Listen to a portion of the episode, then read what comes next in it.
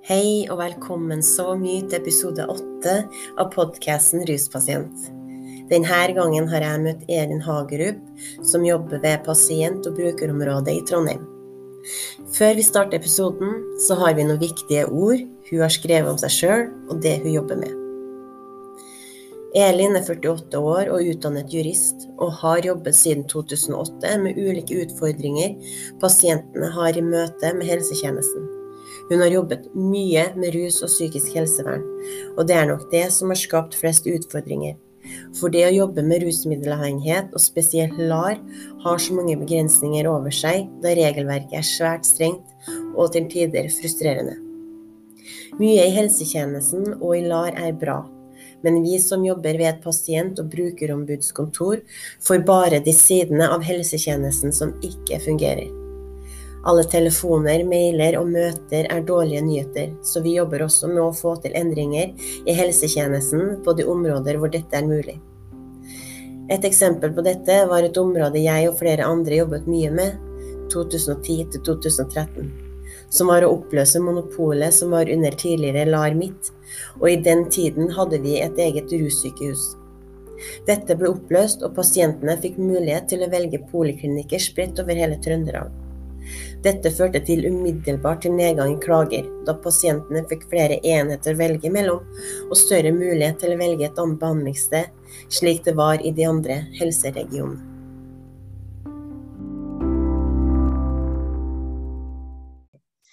Hei, Elin Hagerup. Velkommen til podkasten. Tusen takk. Så kjekt å være her. Ja, ikke sant? Takk for at du ville komme. ja, det var kjempespennende. Du, eh, kan ikke du fortelle litt om deg sjøl og, og, hvor du jobber? Ja. Eh, jeg heter Elin Hagerup da, og er pasient- og brukerombud i Trøndelag. Og har vært det siden 2008, faktisk. Ja. Eh, og vi som jobber som pasient- og brukerombud, da, vi har jo helserett egentlig som fagfelt. Så vi jobber jo med det hele dagen. Men hva er egentlig eh, fordi at Grunnen til at jeg kontakta deg, det er jo fordi at eh, jeg er jo tidligere rusavhengig. Eh, og når vi liksom er i det systemet, da, så hører vi jo noen gang om pasientbudet. Altså det plukker opp noen gang i bakgrunnen litt her og der. Men hva, hva er dere for noe, egentlig? Altså, hva mm -hmm. er pasientombudet? Ja, jeg skal prøve å forklare det. det altså, vi er en ganske stor ordning i Norge. Det er ett ombud i hvert fylke, og så er vi underlagt Helsedirektoratet. Sånn organisasjonsmessig i hvert fall, så er vi det. Eh, vi er en helt uavhengig ordning. Så det vil si at vi er ikke faglig underlagt Helsedirektoratet. Eh, så hvert enkelt eh, ombudskontor har ulike ansatte, og vår hovedoppgave det er nedfelt i loven, i pasient- og brukerrettighetsloven. Og Der står det at vi skal hjelpe pasienter i helsetjenesten. og det vil Si, eh, både kommunehelsetjenesten, eh, spesialisthelsetjeneste, eh, som er da sykehus og institusjoner. Og så enkelt fortalt så er det da fra fødsel til død. Så Hvis du er pasient, så er vi et kontor du kan kontakte for å få bistand hvis du har spørsmål om rettighetene dine. Mm. Og, og, det kan jo være alt mulig. Sant? Det kan være f.eks. Eh, du er til fastlegen din og eh, vil gjerne ha eh, innsyn i journal. Eh, du er til fastlegen og er uenig i at du ikke får henvisning for en behandling som du mener kan være bra for deg. Det kan være en ruspasient sant, som er under LAR f.eks. Som, som har fått tildelt en av de her få medikamentene som finnes i LAR, og er uenig i at den er det han, den, at den medisinen han skal gå på fordi at den får en del bivirkninger.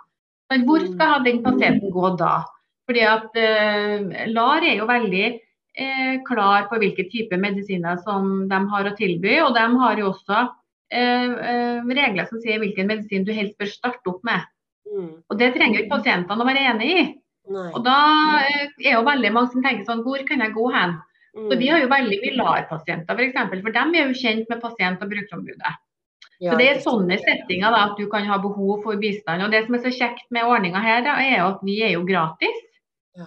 Eh, og de som jobber på ombudskontorene er jo, har jo solide utdanninger innen jus og, og helse. Ja. Eh, Så de har helseretten som spesialfag, da. ja, for det var det jeg tenkte jeg skulle spørre dere om. Så, det er om, dere som jobber der. Hvilken bakgrunn har dere? Ja, det, det varierer selvfølgelig også, altså. men, men flertallet har nok eh, enten jus eller helse, eller begge deler. Eh, Ja. Så, ja, så det, for det er jo det som er verktøyet vårt. da. Og I tillegg til det da, så eh, setter jo ikke vi bare gi råd og veiledning heller.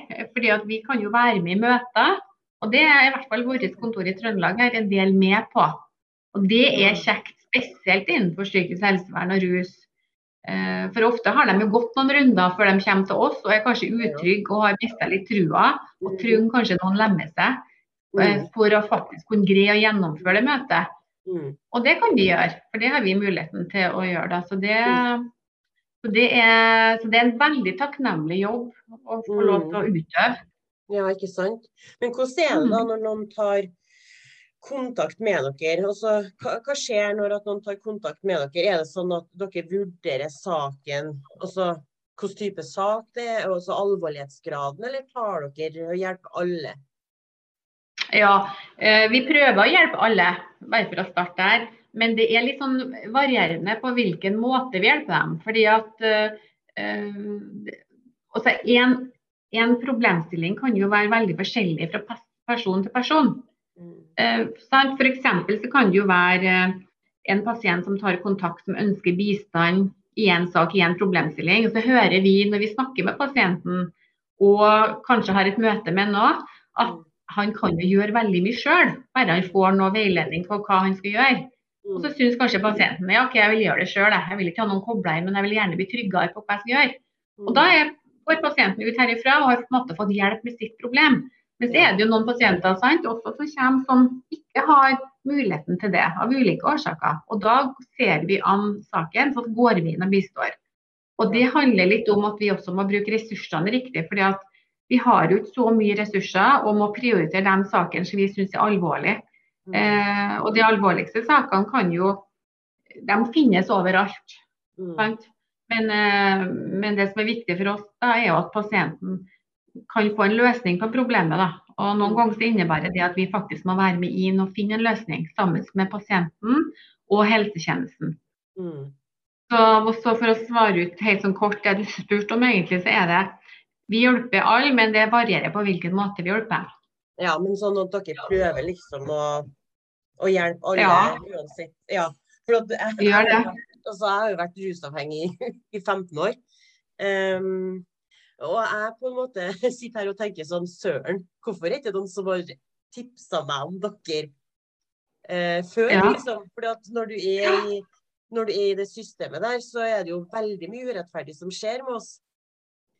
Men, men har du et sånt bilde av at ruspasienten generelt vet om dere, og hva dere kan hjelpe til med? For jeg føler det at når jeg var på institusjon, så var det ingen som snakka om dere. Eller at nei, ring pasientombudet, de kan sikkert stille opp. Mm. Nei, altså det, jeg, jeg tror ikke det. Altså. Jeg tror ikke at vi er så godt kjent, for da har vi nok hatt mye flere saker. For det er jo noe vi jobber med og da vet du, på sidelinja. det at vi, være vi skal være kjent og tilgjengelig, og så bør vi kanskje prioritere uh, den jobbinga også ut mot den pasientgruppen som kanskje trenger oss mest òg. Uh, og Det er jo hele tida en utfordring. Så Hvordan skal vi bli mer kjent?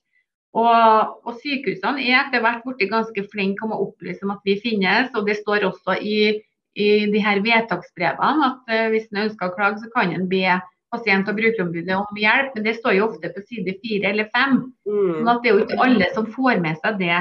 Men, men det som vi ser, i hvert fall her i Trøndelag, da, som har jobba veldig mye med, med psykisk helsevern, og spesielt LAR-problematikk, så er vi jo ganske kjent.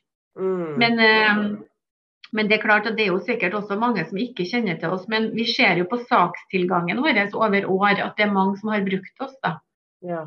Og det sprer seg fort også i miljøet. ikke sant? At eh, Hvis vi gjør en god jobb og vi greier å på en måte bistå, så vil jo de snakke også om oss til andre. sant? Så Det er jo litt sånn jungeltelegrafen da, noen gang. Ja, ikke sant? Ja, jeg syns jo det at eh, behandlingsplassene så absolutt skulle ha reklamert for dere, eller at behandlerne i hvert fall skulle ha visst at dere kan eh, rekke ut ei, i hånd, liksom. For det hørte vi aldri noe om, vi i hvert fall. Nei, nei da, og det, og det du sier der er jo kjent, altså, for vi vet jo det at, eh, at uh, denne opplysninga om oss burde ha vært litt bedre. Men vi vet òg det at det er enkelte som, som, ikke informerer om oss av andre årsaker. Sant? Det kan jo være at de tenker som så at dette er noe vi kan håndtere sjøl. Uh, her trenger vi ikke å koble på pasient- og brukerombudet, men vi kan bistå pasienten sjøl. Så tenker de at det er en grei måte å gå frem på, mens pasienten kanskje har lyst til å ha muligheten til å velge da, hvem man vil ha med seg videre i prosessen. Ja, for jeg er jo LAR-pasient sjøl. Eh, og jeg har jo det inntrykket av at de er veldig firkanta. Så hvordan hvilket bilde sitter dere med? Og så er det, er det vanskelig å jobbe med dem og få til noen forandringer, eller får dere til å, å liksom gjøre noe med de Larsen? Ja, ja, det, er, det, kan jeg snakke mye om. Eh, bare for å starte med Det da, det som er veldig spesielt, er at når du jobber med pasienter i LAR, så har du et helt annet regelverk å jobbe etter enn hvis du jobber med en pasient som har kreft, f.eks. Ja, ikke sant. Er, men allikevel så skal vi ha altså, pakken til kreftpasienter i behandling. Visste du det? Ruspasienter ja. har egentlig pakken til kreftpasienter. Ja, det er, fordi at, fordi det som gjør at ting kan bli litt vanskeligere og utfordrende, da, er jo fordi at denne ramma som vi jobber under når vi jobber opp mot LAR, er at det er jo denne eh, forskriften og retningslinjene som gjelder. Og det er jo ganske begrensa i forhold til hvilken type medisin han kan få, f.eks. Og så mm. kommer de på hvilket nivå du er som ruspasient. og sånt. Om du er en nystarta i LAR og er det de kaller ikke helt stabilisert, sant? så har du på en måte kontroller i forhold til utlevering og alt det der som vi må forholde oss til. Ja. Og det der er jo bakt inn i det som staten har funnet ut er et forsvarlig måte å behandle eh, rusmiddelavhengige på. Da. Mm. Og det er veldig vanskelig å komme utafor. Så det Når vi jobber med LAR-pasienter, så må vi jobbe med regelverket som er. så Prøv å se hvilke eh, muligheter er det som finnes innenfor en ganske streng ramme. Ja. Og Det er jo noe helt annet hvis du jobber med en, med en kreftpasient. For der er jo tilnærminga til pasienten at her må vi gjøre behandlingsforløpet så greit som mulig. Vi må tilby de medisinene pasienten trenger for å ikke ha smerte. Vi må gjøre pasientforløpet eh, så bra som mulig, men også forsvarlig. Mm. Men i og med at det er en, en eh, pasient som er rusmiddelavhengig, så er det litt andre faktorer som gjør at uh, de tenker at denne forsvarlighetsvurderinga må være litt strengere. Mm. Og Det merker vi jo i hver sak. ikke sant? Men vi prøver jo da innenfor det handlingsrommet som finnes å finne gode løsninger. Mm. Og vi får til det i ganske mange tilfeller, men ikke alle. Nei. Og det er vel kanskje de sakene som jeg har hatt i alle år hvor jeg kan si at det ikke alle har lyktes med, for det er veldig vanskelig å få til gode løsninger, syns jeg. Men ellers så syns jeg at vi får til gode løsninger i nesten alle saker. Men akkurat på feltet her så er det kjempevanskelig. fordi at eh, når vi har vært gjennom en prosess da, og pasienten med oss til stede da, har fått god brukermedvirkning, fått god dialog med helsetjenesten, og de har fått informert ut hva de kan gjøre og hvilke mulighetsrom de har, mm så trenger jo ikke pasienten å sitte igjen med en løsning som han er fornøyd med, men da har han i hvert fall fått en grundig forklaring på hvorfor. For det mangler jo også i veldig mange saker i LAR. Ja. ja. Ikke? At avgjørelser blir tatt over hodet på dem. Så, våres, mm. så da tenker jeg noen gang OK, men da må vi i hvert fall være med sånn at pasienten får en grundig medvirkning, for det er kjempeviktig. Mm. Han skjønner hvorfor det er sånn. Eh, og så er det jo vanskelig for oss å få endra eh, eh, hvilken type medisin pasienten skal ha. fordi det er jo en medisinskfaglig vurdering. ikke sant? Og da kommer jo vi litt i kort. Ja. Eh, men vi har hatt pasienter som, som, har begynt på Subuxone, som er førstevalg. sant? Eh, og fått dem over til andre typer medisiner. Det har vi jo fått til. Som gjør at pasienten er fornøyd med det. Og vi har også eksempler på hvor pasienter har fått eh, Dolcontin. Ja. Men det er ganske få. Ja, jeg, altså, jeg, kjenner dem, jeg, kjenner dem, faktisk som dere har hjulpet der. Og det er jo kjempebra ja. at dere har fått gjennom det. Ja, ja altså, det har vi gjort. Men det er sånn, sånn to-tre saker. og det er sånn det er nesten sånn at da slår vi med en sånn bjelle. For at det går Det er kjempevanskelig, er det. Ja, ja. Uh, ja. Men de pasientene som har fått det, de fungerer jo veldig godt i dag òg, da. Ikke sant? Ja, de så det er jo litt sånn trist. Ja, de gjør det faktisk. Sånn at, Mm. Men det ja, så dere er Jeg kunne snakka mye om dette, men dette er mye det er politikk òg, ikke sant. Fordi at Mm. eh, Hvis du snakker med leger også, så syns jo de også dette er vanskelig. For de føler jo også det at deres kompetanse og kunnskap ikke blir brukt så mye mot, i LAR-pasienter som i andre pasientgrupper. Så de kommer, så deres eh, kunnskap er, er ikke så interessant, da, for de også er jo betta på hender og føtter. Og så en fastlege som sitter med pasienten og ser da at ja, jeg ville gjerne gi deg det, men hvis jeg gjør det, så gjør jeg jo noe jeg ikke har lov til å gjøre. Og da kan jeg jo få en klagesak på meg. sant? Mm. Eh, så de er kjemperedde òg for å imøtekomme pasienten på medisinvalg, Mm. eh, så lenge de er i LAR. Sånn at Mm. eh, dette er veldig vanskelig for veldig mange. Og ikke minst pasienten å stå i. Ja, ikke sant? Jeg tror at de pasientene jeg har vært mest imponert over hva de greier å stå i, det er pasienter som har eh, et, et rusproblem, som Mm. er i behov av behandling. Og Mm. spesielt LAR-pasienter. Og i tillegg eh, så har de jo òg veldig ofte eh, utfordringer innenfor det psykiske helsevern. For klart Når du går veldig lenge og plages og ikke får bistand, og når du endelig får bistand, så kanskje ikke er behandlinga optimal, så skjønner jo alle at da vil jo det her også kanskje føre til at en får psykiske utfordringer. Så hva de står i, det er sånne ting at vi altså Det er aldri altså det, det er de pasientene jeg over år har vært mest imponert over, da, hva de greier Mm. faktisk å håndtere. Mm. Det er tøffe tak. Det er det. Mm. Eh, og vi er jo den pasientgruppa som eh, blir behandla ganske snodig til tider.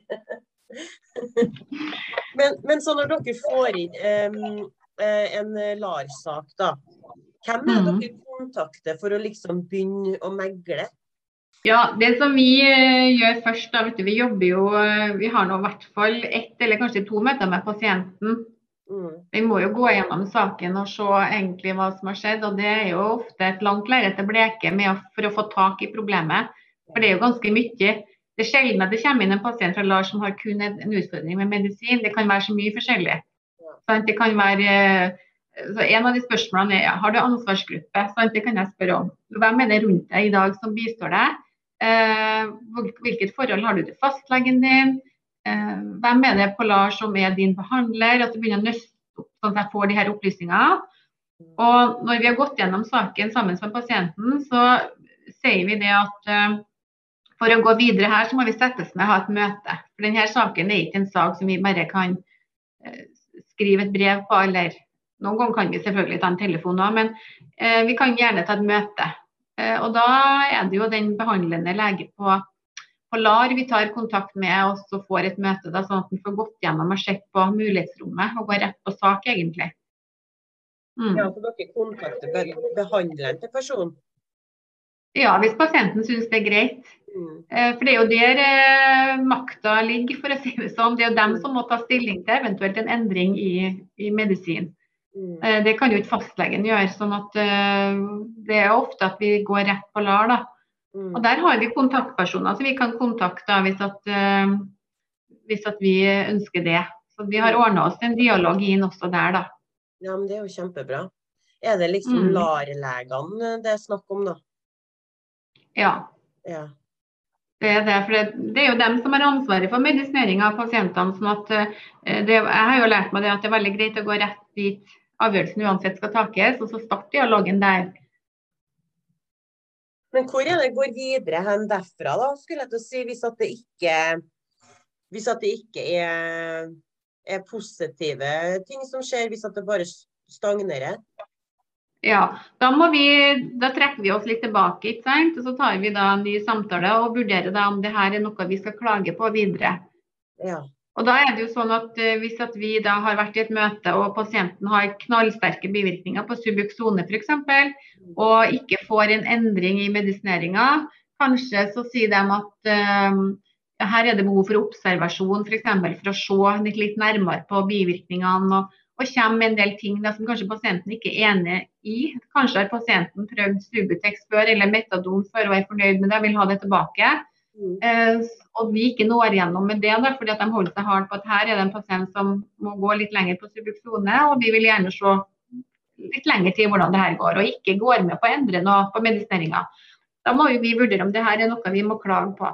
Og Da er det sånn at da klager vi da etterpå direkte til LAR. For Det går til den institusjonen som har, eller helsetjenesten som har fatta avgjørelsen. Så må de vurdere om de opprettholder sin avgjørelse på her skal det fortsatt være subuksone. Og Hvis de ikke endrer noen ting og opprettholder sin første uh, avgjørelse, så vil den gå videre til statsvalgteren, som er den som vi kaller for fylkeslegen. Da går den dit. Ja. Og Da er det en klage på endring av medisinvalg, og da må jo vi bruke eh, det, det, vi har. og Det er jo da retningslinjene å se på hvilke tilfeller er det åpning for å bytte. Hva er det som gjør at pasienten her trenger bytte? Kanskje må vi hente inn gamle journaler som viser at pasienten har gått på Subutex eller Metadon eller en annen type kombinasjon som har fungert. Og vi ser at eh, her er det faktisk vært velfungerende. Og argumentere sånn at vi får løfta frem synspunktene og, og pasienten, og ikke, men ikke minst da denne eh, historikken. Mm. Og så er det håp da at fylkeslegen da uh, tenker at det her er, høres fornuftig ut, og det er også noe retningslinjene sier at en kan få. Og så håper en positiv avgjørelse. Mm. Men når dere mm. da jobber med en LAR-pasient som vil sende inn klage pga. at uh, han ikke tåler medisin, hvor lang tid tar alt dette papirarbeidet og klagene? For jeg tenker, er det forsvarlig liksom å fra Lars sin side og holder på så lenge da, at det bruker en uke eller to uker på å svare når at pasienten ligger og har, øh, har det fælt. da. Mm, det er et godt spørsmål. Det er derfor at vi som jeg sa innledningsvis, har en god del møter med helsetjenesten. For at vi syns jo at det tar altfor lang tid, all sånn klagesaksbehandling. Ja, det gjelder ikke bare innenfor LAR, men det gjelder også generelt. Så vi ja det er derfor vi har lagt opp en metodikk hvor vi går direkte til helsetjenesten. fordi Vi håper da at vi kan få til en endring der, og så slipper vi å gå veien om klage. for da, Og én til to uker, det tar mye lengre tid enn det, så det tar jo månedsvis. Uff, uff, uff. Ja, så det er så vi, så vi, er jo litt sånn at vi håper jo på det beste når vi går i møte. fordi at vi vet at hvis vi ikke når gjennom med saken til pasienten, så er, går, tar, vil det ta lang tid. Og da er det klart at da er jo vi bekymra. Fordi at Pasienten har kunnet sagt til oss at hvis ikke jeg får noen endring på medisin, så må jeg selvmedisinere meg. Og Da vet vi jo hva som ligger i det. ikke sant? Så Det er mm. ganske fortvilt det er også for oss, da, som, som, selvfølgelig ikke kan påvirke det. Men uh, jeg, jeg, føler jo veldig på et press på å kunne få til gode løsninger for pasientene. for at Vi har jo eksempler på hvor det har tatt for lang tid, og hvor saken til pasienten har blitt enda verre. ikke sant? Fordi at pasienten er så fortvilt at han må ordne seg sjøl, rett og slett. sant? Ja. Og Dette er også en utfordring at saksbehandlingstida hos eh, klageinstansene er blitt så høy, for det er jo over hele Norge en utfordring. Ja. Men det er ikke noen hastesaker, egentlig. Det er ikke noe hastesaksbehandling ikke på de her sakene. Og det er ikke nei? Nei, Vi kan jo vi få gjennom det hvis det er gode argumenter for det. ikke sant? Uh, for Vi har jo tatt opp det med fylkeslegen at det er noen saker som vi kanskje ønsker å få prioritert frem i kø. og Da må, kan en jo rette en henvendelse på det. da, og Som regel så får vi gjennom det. Men eh, vi har ikke hatt noe mye av det på LAR. det har ikke Vi hatt. Vi har hatt det på andre pasienter som ligger og er alvorlig syke, som kanskje er også terminal. Mm. Men ikke på ruspasienter. Det har vi ikke hatt noe mye på det. Nei. Nei. Uff, nei, det er jo ikke noe rart at man på en måte mister håpet oppi alt dette her, da, tenker jeg. Når det ja, er så lang det, mm. Mm, det er akkurat det. Men uh, ja, så det er jo det er jo mye som er trasig i, uh, i behandling av ruspasienter. Det er det, altså. Spesielt i LAR så er det det med at det er så begrensa valgmuligheter. da. Mm. Så, så det ser vi. Ja, for jeg syns jeg leste noen plass uh, Skulle ikke bli noe forandring på, på, at det skulle åpne for flere muligheter, eller var det bare et forslag en eller annen plass, eller vet du om det er noe som jobbes aktivt med? Ja, Den nye LAR-retningslinjen der jobber det jo med at, uh, at at medisinering i LAR skal bli mye, mye mer tilpassa hver enkelt pasient og behov. Ja. Den er jo ikke ferdig ennå, den LAR-retningslinjen. Jeg vet ikke helt status på den heller. Men, men, øh, men sånn som jeg, vi har jo en på kontoret her som har jobba mye med LAR og mye med rus. Og som jeg har forstått på han, så ligger ikke an til at det blir noen sånn kjempestor endring i LAR-retningslinjen. Det gjør det ikke. Nei. men noen endringer blir det nok. Så hvor ofte eh, forandrer LAR de retningslinjene? Nei, Det er ikke ofte, nei. Uh, jeg tror ikke jeg har vært borti en endring i retningslinjene egentlig på så lenge jeg jobber her. Altså, så Den som vi jobber, bruker i dag, den er jo ganske gammel. Ja. Um, så, så, det er det ikke. Nei, det er jo tragisk at, at det er sånn. Mm. Det er nok det, altså. Det, det, er litt vanskelig. Jeg ser jo det at det er når pasientene som kommer til oss, da, de, de, snakker jo, de er jo veldig oppdatert om det feltet som de er pasient under. og de snakker jo om Danmark f.eks., som har litt annen tilnærming da, til pasienter som, et, eh, som er rusmiddelavhengige. Da. Eh, så De snakker jo om at her i Norge er alt så strengt. Og, så De kommer jo hit og har veldig, vi blir jo veldig oppdatert, vi. For ofte så kan jo pasienten mer enn oss om hvordan reglene er rundt omkring. Så ja, så jeg har, eh, jeg har, forståelse for at det er store frustrasjoner ut der på hvordan vi tilnærmer oss og ikke minst behandler ruspasienter. Ja, ikke sant. For det var det jeg tenkte jeg skulle spørre dem i sted. Hvis det er noen pasienter som ligger inne på Blå Kors nå da, og skal liksom komme seg av eh, det stoffet de har blitt avhengig av på gata, og så skal de over på mm. LAR-medisin, og så er det De får Subuxone, men de tåler ikke det. Eh, ja. Da er det kanskje ikke noe vits å ringe til dere med en gang, da, fordi det tar så lang tid å få klaga inn. Men jeg tenker nå det at hvis en ligger inn og er på avrusning og skal switches over til et nytt medikament, eh, så skal de jo være der en liten periode. da, og jeg tenker nå det at eh, Hvis det viser seg det at de får så sterke bivirkninger av eh, Subuxone, jeg er litt usikker på om de kommer så tidlig, men, men det er også et dokument som er viktig i saken. da, Da må man jo kunne dokumentere det at her er det faktisk så det oppholdet der er jo da viktig sant, for videre. Ja.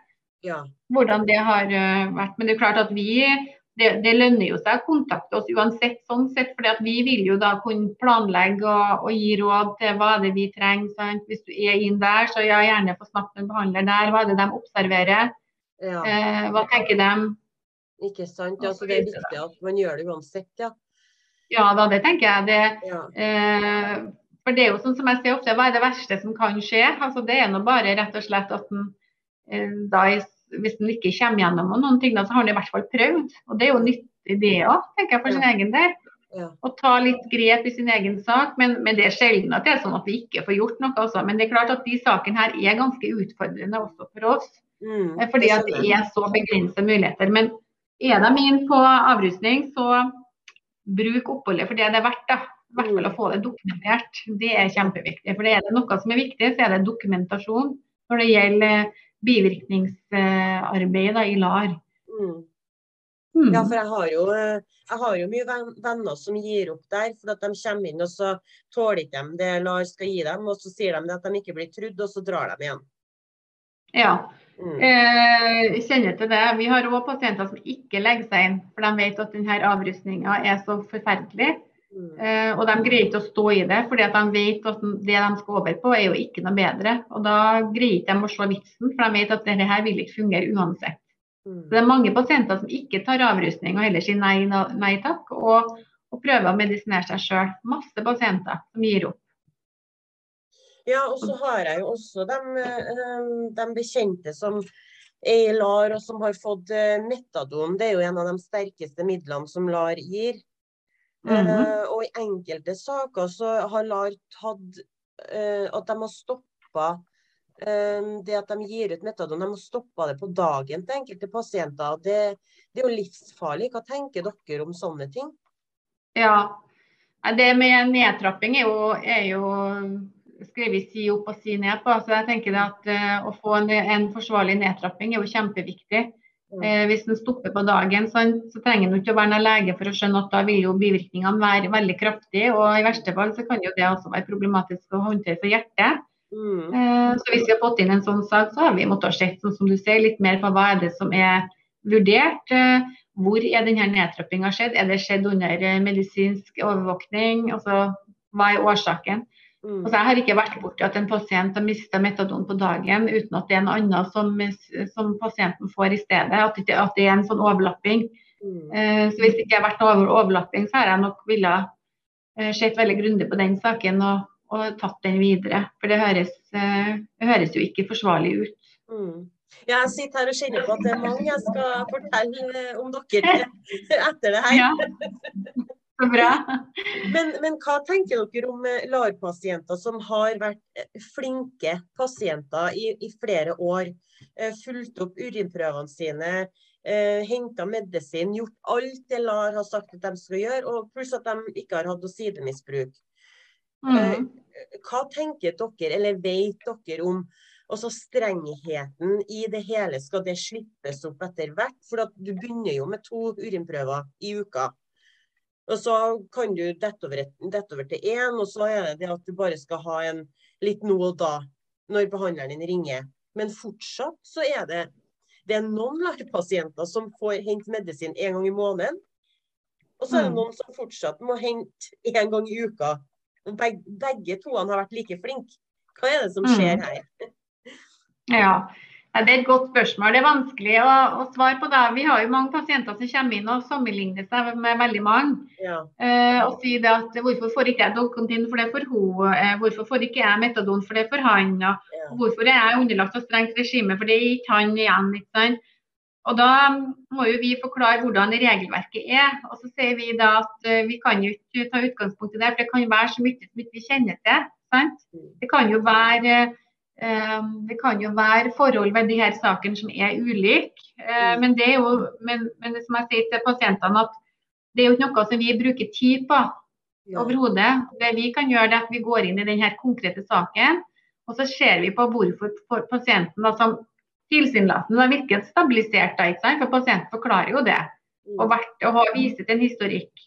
Og Da må jo vi gå inn og se på hvorfor vi pasienten eh, eh, håndtert etter det at det er muligheter for å få litt mer slakk på kontrolltiltak? Hvorfor får en ikke annet utleveringsregime f.eks.? Eh, osv. osv. Da må man jo bruke regelverket da, og vise det, den konkrete saken på regelverket. Så Vi kan ikke uh, gå inn i de andre sakene, men det er klart at det der har vi jo hørt masse om. Eh, sånn at, uh, men vi, sånn som vi jobber, da, så må vi jo ta tak i den konkrete problemstillinga og gå inn og se kanskje på journal. Eh, sette oss litt mer inn i hva er det som har skjedd. Prate med behandlende lege. Uh, stille kritiske spørsmål og knytte opp mot regelverk. Få en tilbakemelding. Og så er en jo i dag i gang. Mm. Og Vi har jo fått ned flere saker, og det er, jo, det er jo veldig fint. Vi har jo i mange saker faktisk opp, opp gjennom årene fått til mye endringer på utleveringsregimet til pasienter. Mm. For det er jo pasienter som har mye ressurser. Sant? Det er flere som er i jobb, som er i skole, har familie. Og klart at Hvis du da har en utleveringsordning som gjør at det går utover skole, det går utover eh, jobb, det går utover familie, mm. så, så klart at da må vi begynne å se på egentlig hvordan, hvordan kan, hvordan kan behandlerapparatet hjelpe denne pasienten til å være fortsatt velfungerende. Ja. Eh, så det er, liksom, det er vår tilnærming til det. da. Ja, for det er det jeg sitter og kjenner på nå. For det har jo vært eh, altså Det er jo snart tre år siden jeg kom ut fra behandling og vært rusfri. Men eh, altså, det er fortsatt veldig strengt. Altså. Så jeg, jeg, sier jo det ofte til behandleren min at det, altså, dere sier at jeg skal gjøre sånn og sånn og oppføre meg sånn og sånn, og jeg går i jobb, men dere må gi litt tilbake. For jeg får ikke ja. å, å sjonglere eh, jobb 100 og dra på urinprøver og dra på apoteket en gang i uka. Det er sånn det er nesten på grensa til at jeg må begynne å ta meg fri fra jobb, og da er det jo ille. Ja, det, det skal ikke Nei. Jeg tenker det at eh, det høres ut som en, en, god sak å ta tak i, tenker jeg. Å få ja. tilpassa det sånn at det fungerer. Ja, det har jeg ville tenkt.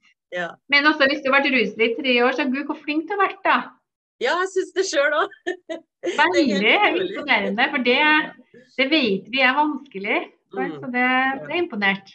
Ja, takk for det. Eh, men jeg sitter jo med den at eh, jeg vil jo ikke være LAR-pasient for resten av livet. Jeg vil jo av det der, jeg òg, men så har du jo den derre Ofte er jo mange behandlere som mener det at LAR ikke skulle ha vært en sånn langtidsløsning. Um, ikke sant? For at vi blir jo avhengig av LAR-medisin der, og vi må jo uh, avruse oss på den òg, ikke sant? Det er jo ikke bare å gå av LAR-medisin. Da må jeg jo tilbake igjen inn på Blå Kors. Og det kommer jo bare til å føles helt merkelig. Ja, jeg har hatt en pasient som har trappa seg ned på metadon helt ned til null sjøl, da uten å ha vært innom Blå Kors. Og hvordan gikk det, da? Jo, det gikk kjempebra. Problemet har vel vært noe i ettertid en del bivirkninger, da. Ja. Men, eh, men, det gikk, det altså. Men det var det veldig sånn sakte, men sikkert nedtrapping sammen med lege, da. Og den pasienten har vært på veldig høye doser og er i dag på null. Ja, sant. Det tar lang tid. Så han trenger ikke inn på, på avrusning. Eh, det trenger han ikke hvis han tar det over så lang tid da, at eh, abstinensene ikke kommer så tydelig frem. Da, vet du, men det tar jo veldig lang tid. Mm. Mm. Jeg begynte jo på 20, men nå er jeg på 4. Oi. Så um, jeg er veldig sånn skeptisk på å gjøre det siste helt alene. Ja, det skjønner jeg. Ja.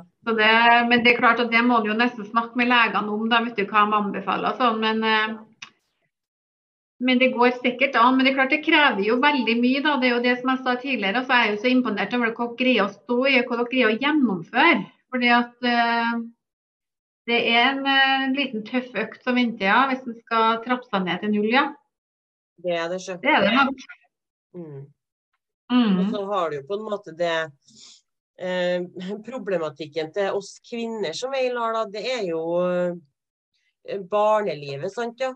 Altså, hvordan er det forsvarlig å få hvordan er det forsvarlig for meg å starte en familie nå mens jeg går på LAR-medisin? Mm. Hvordan kan jeg være gravid og innta den medisinen der? Og så De sier jo at det skal gå helt greit, men liksom vil jeg utsette barnet mitt for å bli født med abstinenser? Ja, det, jeg skjønner den. Mm. Det klart, det å bestemme seg for å være barn er jo for alle Eh, eh, en alvorlig og viktig ting i livet, men kanskje ekstra vanskelig å bestemme seg for hvis en er under LAR og går på medikamenter. Det skjønner jeg. Mm. Nå er det jo et veldig godt opplegg for oppfølging også, da, hvis en går eh, gravid under LAR og er på medikamenter. Så De har jo et opplegg for det. Det er også en veldig så stor og, og stor retningslinje på det. og De har jo mye erfaring med det. Men jeg skjønner jo hva du sier. Det er jo ikke det er mye å ta stilling til fra før, så det blir jo ikke mindre. Nei, det blir ikke det. Og, og Lars sier jo at de har bra oppfølging, og det tror jeg dem på. Men det, den mm. biten av det jeg ikke liker, er at de kontakter barnevernet. Mm.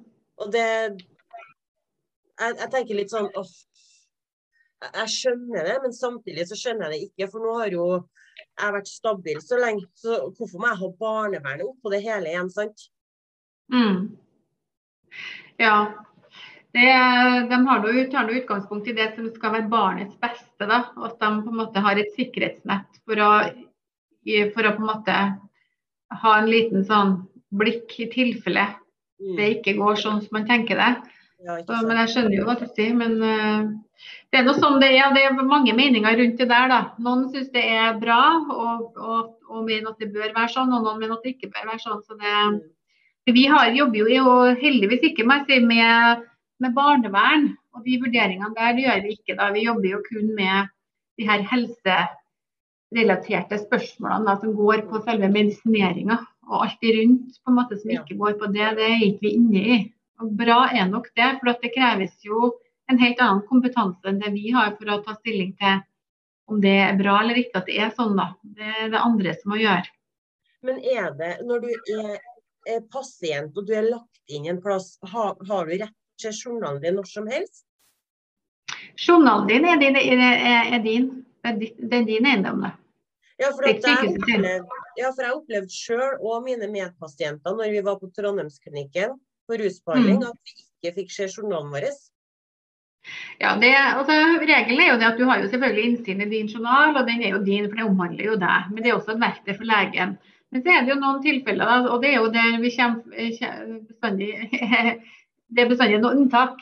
Og det er sånn at hvis du er for dårlig til å kunne få innsyn i, i journalen din, for at det kan stå en del ting der som kanskje gjør at du blir enda dårligere, eh, så kan de jo skjerme deg, sånn at de kan kanskje vente til at du blir friskere, eller få noen til å, å sitte sammen med deg, eller få noen andre til å lese eh, journalen din. Eh, jeg skal ikke gå inn på de unntakene der, men det er muligheter for det. da. Det er det nok fra helsetjenestens side. Og I noen tilfeller så kan det være bra. Men sånn stort sett, da, og det er jo 99% av tilfellene vi har inn her, så har den jo innsyn i journal. De kan ikke nekte innsyn i journal så fremt ikke de påberoper seg spesielle unntaksregler. Og de er heller ikke så enkelt å, å bruke. da. Nei, for vi fikk høre at det, det har ikke dere rett på. Jo, jo. Ja. Det er en eh, kjempegamle rettighet med innsyn i journal. Mm. Det har alle. Og du kan også få utskrift av den. Ja, ikke sant. Ja, for det var det jeg mente. Men det er jo vanskelig når du er i den situasjonen du er i, at du er i behandling og livet står på hodet. Og så skal du samtidig, samtidig begynne å diskutere deg fram med dem som jobber der. Det er slitsomt. Ja. Mm. Men da, det som er veldig greit, som vi bruker å si, er at hvis man får nei på et spørsmål som man ønsker som pasient, så må man bestandig spørre om hva er hjemmel for det. Altså Hvis det er sånn at de nekter ting, så må jo de kunne begrunne hvorfor. Det er et veldig greit utgangspunkt, for at det er ikke bestandig de har det. Og Da tar jo ofte dialogen litt annen vending. fordi det er veldig enkelt å si kanskje da, nei, du får ikke innsyn. Men hvis du sier ja, det er, hører jeg du sier, men hvilket eh, hjemmelsgrunnlag har du for det? Altså, hvor i loven står det at jeg ikke har innsyn i min egen journal? Og Det må jo de da svare ut. Og det vil de jo ikke finne noe svar på så frem til de bruker de her snevre unntaksreglene. Mm. Sånn at, eh, men klart det er jo vanskelig å vite det også for, for en som du sier, en pasient og har mer enn nok med å komme seg på føttene og bli frisk. Mm. Det er der dere kan ringe oss. Ja. Så kommer vi på banen da, vet du. Ja, ikke sant. For at det er sånn, Hvis jeg har vært lagt inn der som pasient nå, og det har skjedd noe ugreit, og jeg hadde ringt til dere, er det sånn at dere da tar kontakt med dem direkte, eller hvordan gjør dere det da? Det kommer an på hva du ønsker sjøl og hva det dreier seg om. Men i første omgang så snakker vi jo med deg og hører hva det dreier seg om. Og så eh, hører vi hva du ønsker bistand til. Ja. Er det en situasjon vi kjenner fra før, at vi vet f.eks. at her eh, har institusjonen rett, her kan de gjøre sånn, så må vi prøve å formidle det. Eh, men ofte så er det nok behov for å sette seg ned og kanskje prate litt. fordi at selv om institusjonen har rett for seg, så er det jo sånn at i det øyeblikket pasienten ringer til oss, så er dialogen for dårlig. Mm. For at Hvis dialogen har vært eh, bra, og de har greid å formidle eh, det på en grei og ok måte med brukermedvirkning, og pasienten har følt seg hørt og sett, så har du kanskje ikke behov for å ringe oss. Mm. Men i og med at du ringer oss, og vi vet at ja, her, er det, her har kanskje institusjonen rett til å gjøre det, så vet vi at da er dialogen for dårlig. Og Da kan jo vi bistå med å få dialogen på plass igjen. Ved at en mm. setter seg ned og minner på dem det er så viktig det at dere får være med og få lov til å si hva dere mener og at, dere, at en kan ha en konstruktiv dialog sammen. Mm. Det er ofte det som er problemet, og det gjelder ikke spesielt på rus, men det gjelder sånn generelt det med å ha dialog, gode dialoger, god informasjon og god brukermedvirkning. Mm. Det er så mye klagesaker som kunne vært unngått hvis helsetjenesten har vært litt flinkere på det og skjønt egentlig hvor viktig det er. Mm. Uh, og Da trenger de jo ikke ringe oss i mange tilfeller, for ofte så er det enkle saker vi får inn òg. Det er rett og slett å sette seg ned og prate skikkelig med hverandre, som vi egentlig forutsetter at alle gjør til enhver tid. ikke sant? Ja, ikke sant. Så, nei, altså, hvis vi ringer oss, så har vi nok en del eh, ting vi kan bistå med for å få dialogen på rett kjøl. Og hvis, at, og hvis at det viser seg at institusjonen da, der ordene ligger, da ikke kan nekte deg journal f.eks., så vil du nok få ut journalen din ganske fort hvis vi kommer inn i saken. Ja, for eh, Jeg kan jo ta meg sjøl som uh, eksempel. nå, for når jeg var på Trondheimsklinikken, så skjedde det noen ugreie episoder. Uh, både med meg og mora mi som var pårørende. Mm -hmm. og vi, vi, skulle klage da til fylkes, fylkeslegen eller fylkesmannen. Ja, begge delene har vi brukt før, da, men nå heter det statsforvalteren for å gjøre det ja. komplisert. Ja. Men det som skjedde, var at uh, hun, hun, behandleren min på mottaksenheten for rus og psykisk helse, hun glemte å sende inn klagen. Så etter det så ble alt bare For det gikk jo noen måneder før jeg klarte å skrive den klagen, og før vi klarte å sette oss ned alle sammen. Og det tok så mye krefter av oss. Eh, så når hun glemte det, da, og vi trodde at den var inn, så hadde det jo gått flere måneder før jeg ringte og sjekka hvor klagen var, og da var den jo ikke sendt inn. Men egentlig sånn at når, du, når det skjer noe ugreit på institusjonen du er på, så må du klage innen en så viss tid. Hvis ikke så går ikke det, eller hvordan er det?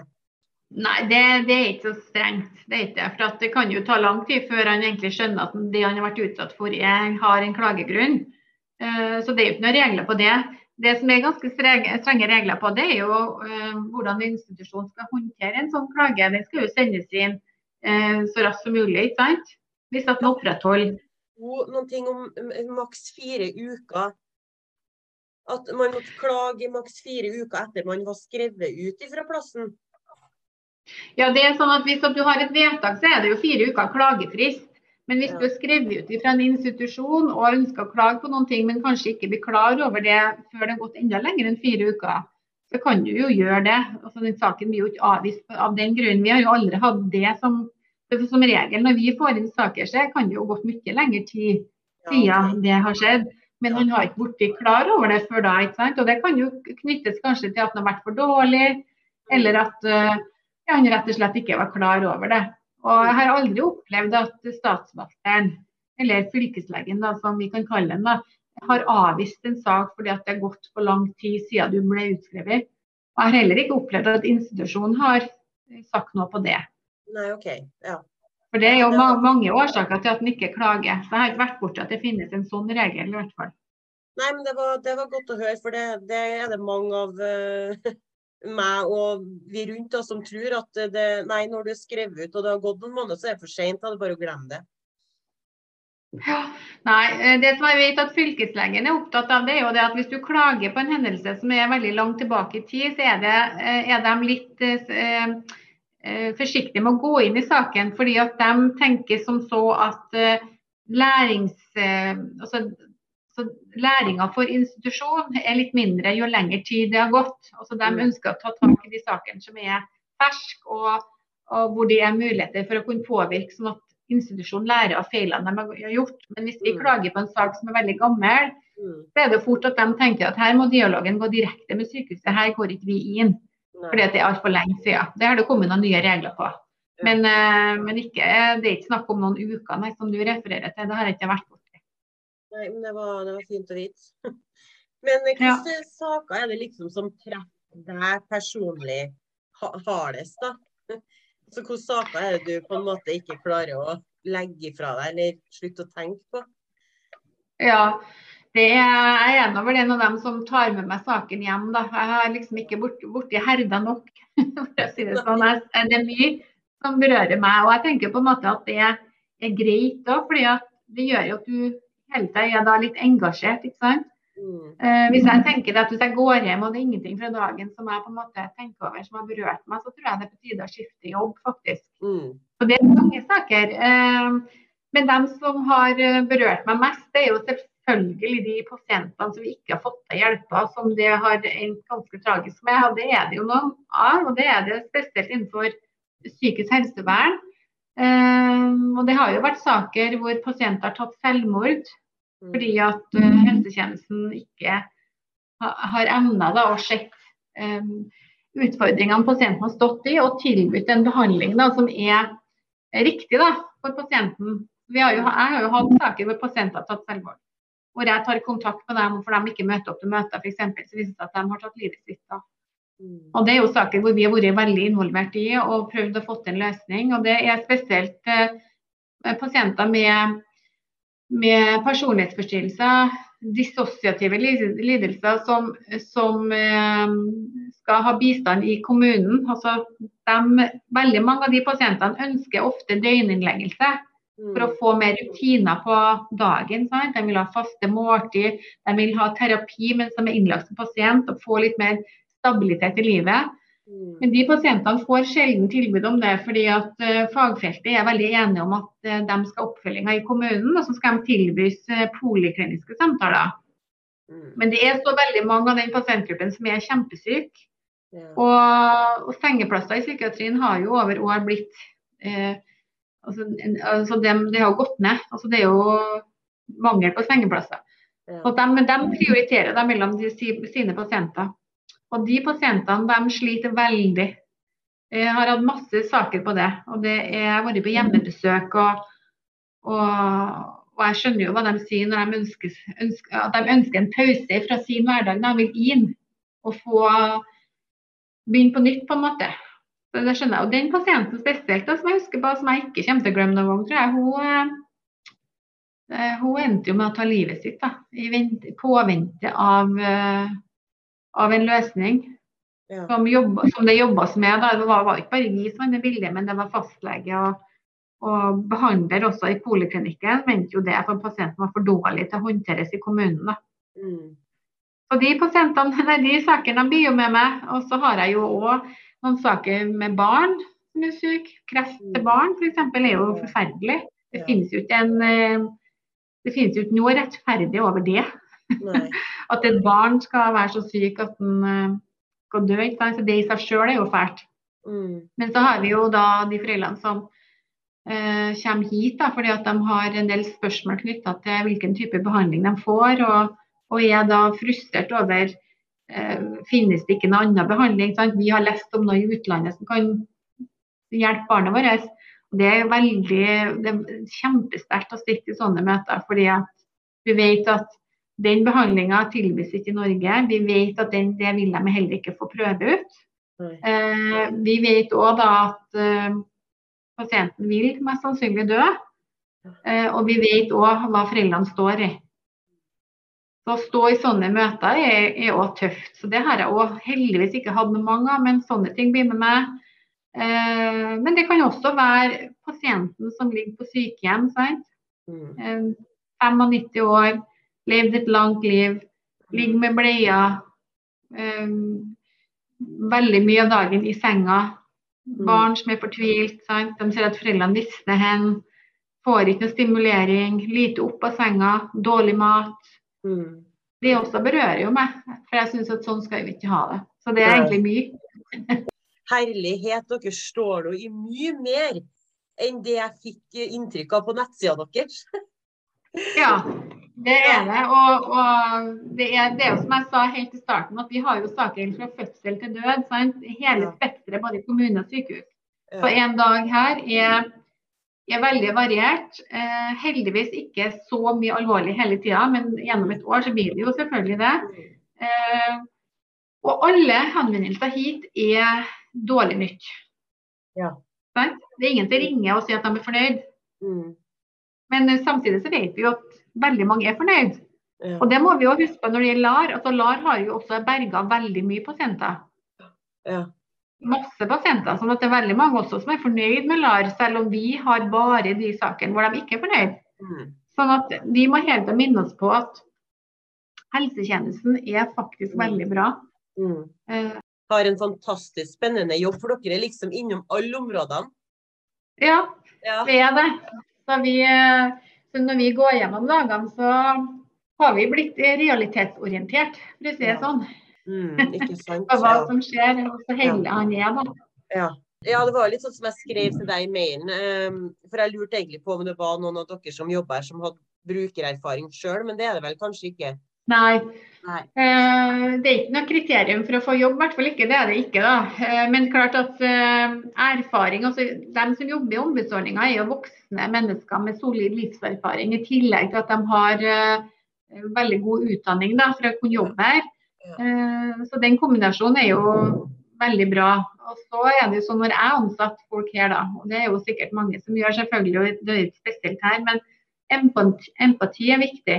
Jeg kan jo ha en kandidater på intervju som har på papiret alt helt tipp topp. Mm. Men eh, når de blir kanskje testa i noen caser eller et eller annet, så, så ser jeg jo også den empatien og den, at du må være glad i mennesker og stå på litt ekstra. Mm. Eh, det er behov for, da. Det er kjempeviktig, spesielt i jobben her. Mm. Eh, og så er det jo sånn at Pasientene kommer jo hit når de kanskje er oppgitt av veldig mange andre. Mm. Og det er jo da jobben vår starter. Og Da kan ikke vi liksom tenke at uff, dette blir tungt. Altså, da da vi man brette opp armene. Ja, ikke sant? Så, så, den empatien og den her litt ekstra giret er viktig i jobben her. Ja, jeg tror dere må være glad i å liksom pushe på saker og ringe og mase ja. litt og sånn. Det, det, hjelper litt, Men samtidig så skal ikke mase for mye heller. da, vet du, for Vi skal jo ikke liksom prøve å presse pasientene frem i køa, for det skal vi ikke gjøre. Men, men, samtidig er det litt masing for å få ting på plass som de ja. har rett på. da. Ja, det er en sånn balansegang. for Vi ja. kan ikke drive pushe pasienter inn i køa, det kan vi ikke gjøre, og det gjør vi ikke heller. Men uh, vi må prøve å få på plass uh, de her grunnleggende rettighetene, og da ofte går det av seg sjøl. Ja. Som det med medvirkning. Mm.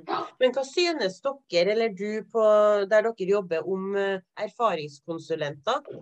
Vet du, er, vi er veldig glad i erfaringskonsulenter. Vi er kjempeglade for at det har kommet på plass. Og vi har jo hatt kontakt med erfaringskonsulenter i jobben her òg. Vi hadde mm. Spesielt ei som har vært innom her og, og, forklart litt hvordan hun jobber. Da. Og, uh, så det er kjempeviktig. Og det er jo nettopp fordi at uh, de sitter jo med en helt unik kompetanse Mm. Som vi eh, håper at helsetjenesten skjønner at det er viktig å ta inn over seg. da. Mm. Eh, for de sitter jo med lovverk, de sitter med veiledere og retningslinjer. Mm. Eh, så vi håper jo at denne erfaringsbaserte kunnskapen på, de konsulentene her sitter på, da, kan takes inn også da, som en om ikke akkurat likeverdig, men også en, en, en kilde som er viktig da, for å få tilpassa. For klart at den erfaringa dere sitter med, er jo kjempeviktig og, og, og kanskje viktigere enn en, en retningslinje. Sant? For dere vet hvordan det er faktisk å være pasient på denne avdelinga. Vi mm. vet hvordan det her føles. Mm. Eh, og, og, kan bidra. Da. Men jeg, jeg ønsker jo også erfaringskonsulenter inn i forskning og utvikling, og jeg da gjerne ved helseforetakene. Mm. Ikke bare ut i felt, men også på de avdelingene hvor de sitter og skal tenke litt mer fremtid og forske. Eh, og få, eh, få denne erfaringsbaserte kunnskapen deres inn i forskningstida. Det er jo knallviktig. Ja, for jeg går jo den eh, fagskolen nå for erfaringskonsulenter. Men vi ser jo det at uh, Trondheim er jo litt treg. som de er kjent for. For Oslo og Bergen eh, de har jo vært mye flinkere til å ansette erfaringskonsulenter rundt omkring. Men Trondheim mm. det er jo ganske lite erfaringskonsulenter egentlig i forhold til hvor mange vi er som går ut av skolen nå, og som har gått ut før meg. Ja. Det, er akkurat, altså, det, er ikke akkurat sånn at de får seg jobb med en gang. Nei, men jeg vet ikke hvordan det er. for dere, Nå, nå er jeg litt ute på tynn is, jeg er litt usikker på hvordan det er organisert. Ja, men er det sånn at når dere blir ansatt, så får dere midlertidig engasjement, og at det er da øremerka midler som kommer over statsbudsjettet til kommunene. Eller hvordan, er, hvordan finansieres det? Kan det være noe av årsaken at det er ulik økonomi til kommunene? Det kan godt være, men jeg vet jo at det er mange erfaringskonsulenter som prøver å søke seg på vanlige stillinger og få vanlig lønn, hvis du skjønner. Ja, sånn ja. Sånn, ja. ja. ja. Ja. Eh, jeg, jeg tenker jo at Den fagskolen er jo sikkert eh, kjempeviktig da, å, å, ha på papiret hvis en skal inn i en sånn ordinær jobb. da. Ikke en ren uh, erfaringskonsulentstilling, men, men en, veilederjobb f.eks. Mm. For vi har jo inntrykk av at kan, jeg tror systemene og kontorene litt rundt omkring forskjellige i Trondheim er litt usikre ennå på erfaringskonsulenten sin rolle. da. Mm. Ja, det kan jeg se for meg. for det er jo ikke, Hvis du spør, så er det sikkert så veldig mange vet hva dere gjør. og Hvilken rolle dere skal ha, og hvor viktig den er. Det er sikkert de har tenkt over den gang. for det er jo, Før så het det vel likemenn, da.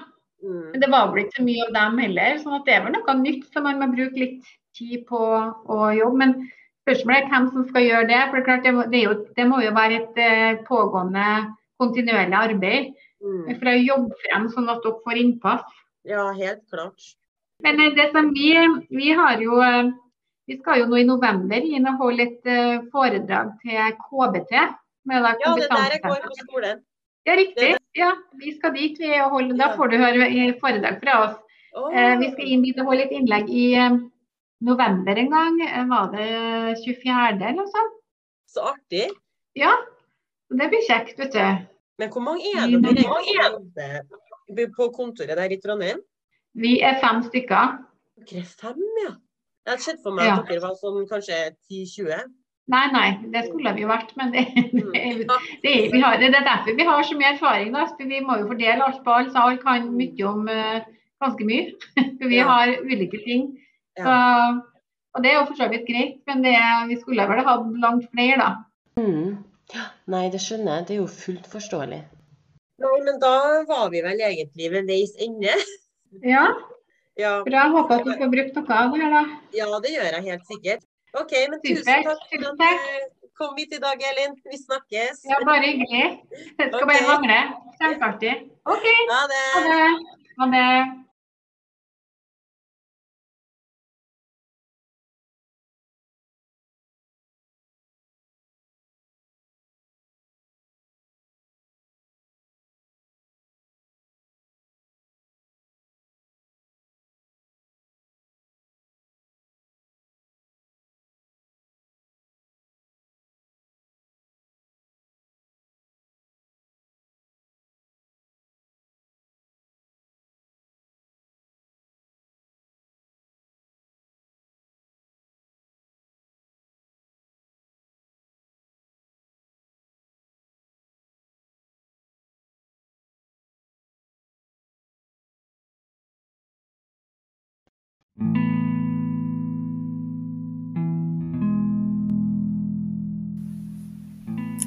Takk for at du hørte på denne episoden.